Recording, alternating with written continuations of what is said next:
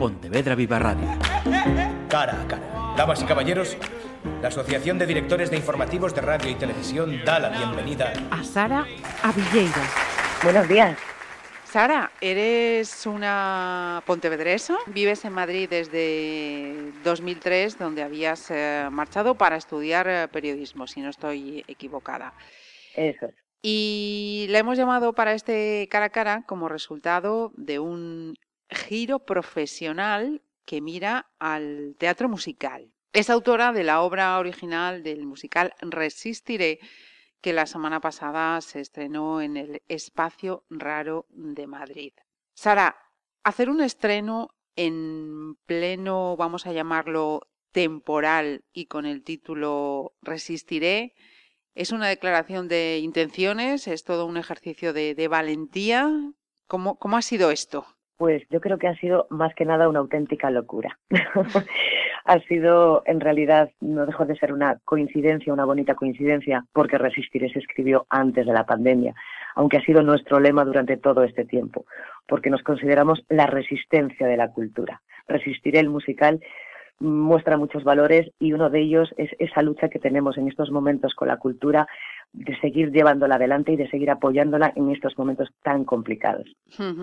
Decías al comienzo que Resistiré es el resultado de un, de un giro profesional. ¿Qué ha pasado en la vida periodística de Sara para que hayas recalado en el teatro musical? En realidad, el periodismo eh, elegí esa carrera porque era lo más cercano a lo que siempre he querido hacer, que es escribir. Mm, en un momento dado de mi vida me di cuenta que quizá escribiendo libros no podía llegar muy lejos, o eso es lo que yo me imaginaba. Entonces eh, me dediqué al periodismo, aunque descubrí la radio y eso fue lo que me fascinó. Sin embargo, a raíz de, ciertas experiencias en la radio, ah, me salieron trabajos de, publicidad, de marketing, y fui yéndome por, ese camino en, la vida. Sin embargo, después de unos años me di cuenta que esa vida que estaba llevando no me hacía sentir realizada, me sentía más vacía que otra cosa. Entonces mm, llegó un punto que, lo dejé todo, eh, trabajé de manera freelance y eh, entré en contacto con, gente de, la música, empecé a trabajar también en prensa en un teatro de la Gran Vía en Madrid. Y bueno, como había gente que, veía lo que yo escribía, me dijeron, oye, mm, ¿por qué no escribes un musical y lo presentamos aquí en el teatro y tal?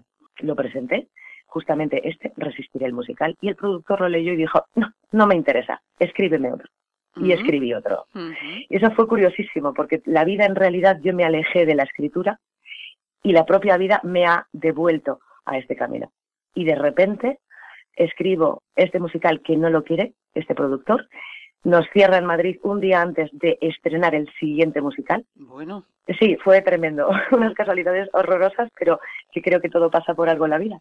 Y durante la pandemia nos surge la posibilidad de mm, poder estrenar Resistir el musical en Espacio Raro de IFEMA, un lugar extraordinario, es enorme, tiene unas medidas de, sanitarias espectaculares con limpieza de ozono del aire, es el teatro efímero más grande de España con 1.050 butacas y claro, para nosotros era un sueño hecho realidad y de repente los días fueron pasando. Eh, bueno, considerábamos que nuestro musical era más que nada un musical post pandemia y nos estamos viendo en plena segunda ola tratando de arrancar esto y, y es que, vamos, estamos en medio del mar, del océano, como somos galegos sabemos de qué estamos hablando, y estamos ahí en medio del mar tratando de remar y de llegar a, a un buen puerto.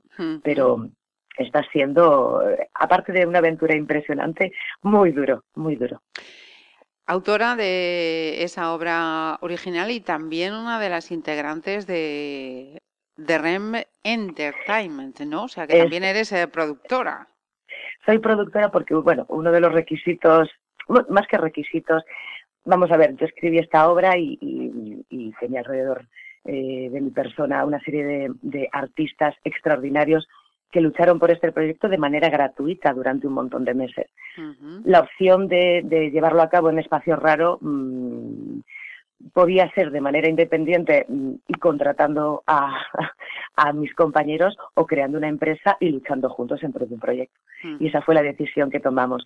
Cuatro locos que decidimos abrir una empresa en medio de la pandemia para sacar adelante este, este proyecto. Ahora mismo somos cinco porque entre cuatro artistas necesitábamos una cabeza más empresarial y tenemos a Iván Miranda, que es la última incorporación a REM Entertainment y estamos, vamos, eh, estamos muy agradecidos porque cuatro artistas nos cuesta bastante sacar adelante una empresa.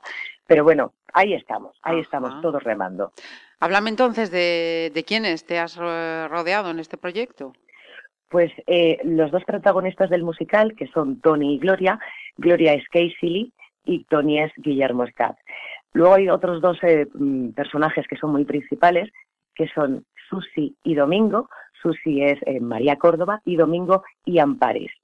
Luego tenemos otro personaje que se llama Marty, que es un friki de esos frikis de los años 80 y 90, siempre con su Game Boy metido en las películas futuristas, de Regreso al Futuro, este tipo de cosas que lo, lo, lo representan eh, Fernando Martínez. Y por último tenemos a un actor extraordinario que se llama Albert Suárez en el papel de Eloy. Em, en realidad son eh, seis personajes muy variopintos que justamente en el estreno la gente nos decía, madre mía, qué personajes tan raros, ¿podrán encajar? Y al final de la obra, en nuestras redes sociales podréis ver la gran acogida espectacular del público diciendo, nunca había visto unos personajes tan diferentes que encajaran también en una historia tan emotiva y tan bonita. Estamos de verdad alucinando con la, vamos, con, la respuesta de, todo el público que pudo venir a vernos la semana pasada. y, sin ánimo alguno, por supuesto, de destripar esta historia, pero ¿qué, ¿qué nos cuentas en Resistiré? Pues en Resistiré cuento una historia de cinco amigos que pasan por unas situaciones un poco complicadas en la vida, las propias de los adolescentes en los años mm, finales de los 80, principios de los 90. Em, descubrimientos mm, de la sexualidad, eh, momentos de, mm, duros de la vida, em, todos esos momentos felices en cuanto a amistad se refiere. Resistiré es una vuelta al pasado que nos recuerda quiénes somos y a dónde vamos. Que en el fondo luchar por un sueño no es una utopía, sino un objetivo a proponernos para conseguir realmente una realidad porque todo lo que podemos visualizar y nos imaginamos y luchamos por ello, lo podemos convertir en una auténtica realidad. Y lo tengo más que comprobado.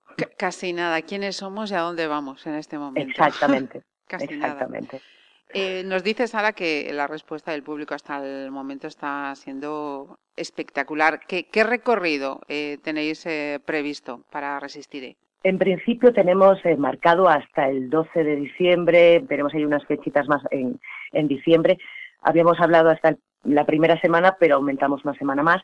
Queremos, tenemos que entender básicamente que es un momento muy complicado. Ahora mismo las temporadas no son como antes. Firmamos eh, nueve meses. No, es imposible.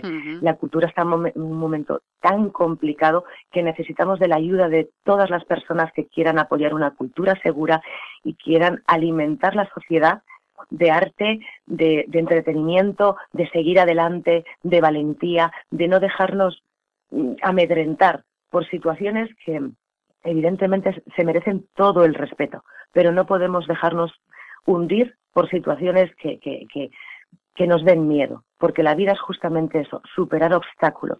Y si a veces tenemos que remangarnos el pantalón para cruzar un río, nos lo tenemos que remangar, no quedarnos mirando desde la otra orilla qué, qué habría pasado si tuviera el valor de haber cruzado. Necesitamos que la gente quiera volver a disfrutar la vida sin miedo, con protección, pero sin miedo. Una pregunta que ahora mismo tiene una mm, respuesta, yo creo que, previsible, pero mm, una vez que, pase esto, eh, ¿resistiré? ¿Tiene visos de, salir de Madrid?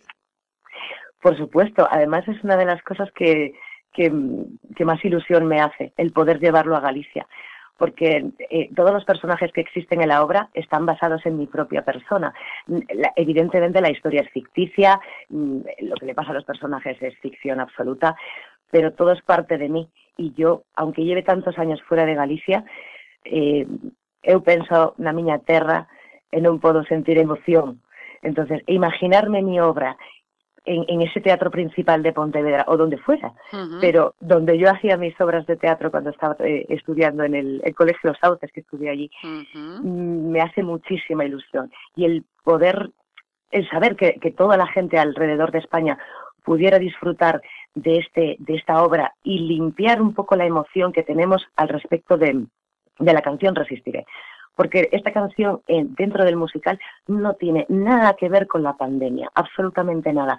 Son dos horas y media de evasión absoluta, de volver al pasado y disfrutar y limpiar un poquito esa emoción que tenemos arraigada con el resistiré, cantando las ventanas como himno de, libertad en, esa cuarentena, ¿no? Porque justamente es lo que decía la gente, Jolín, me lleva una, una sensación muy diferente de esta canción y antes que la tenía un poco aborrecida, me ha vuelto a dar muchísima ilusión y me voy con las pilas completamente cargadas.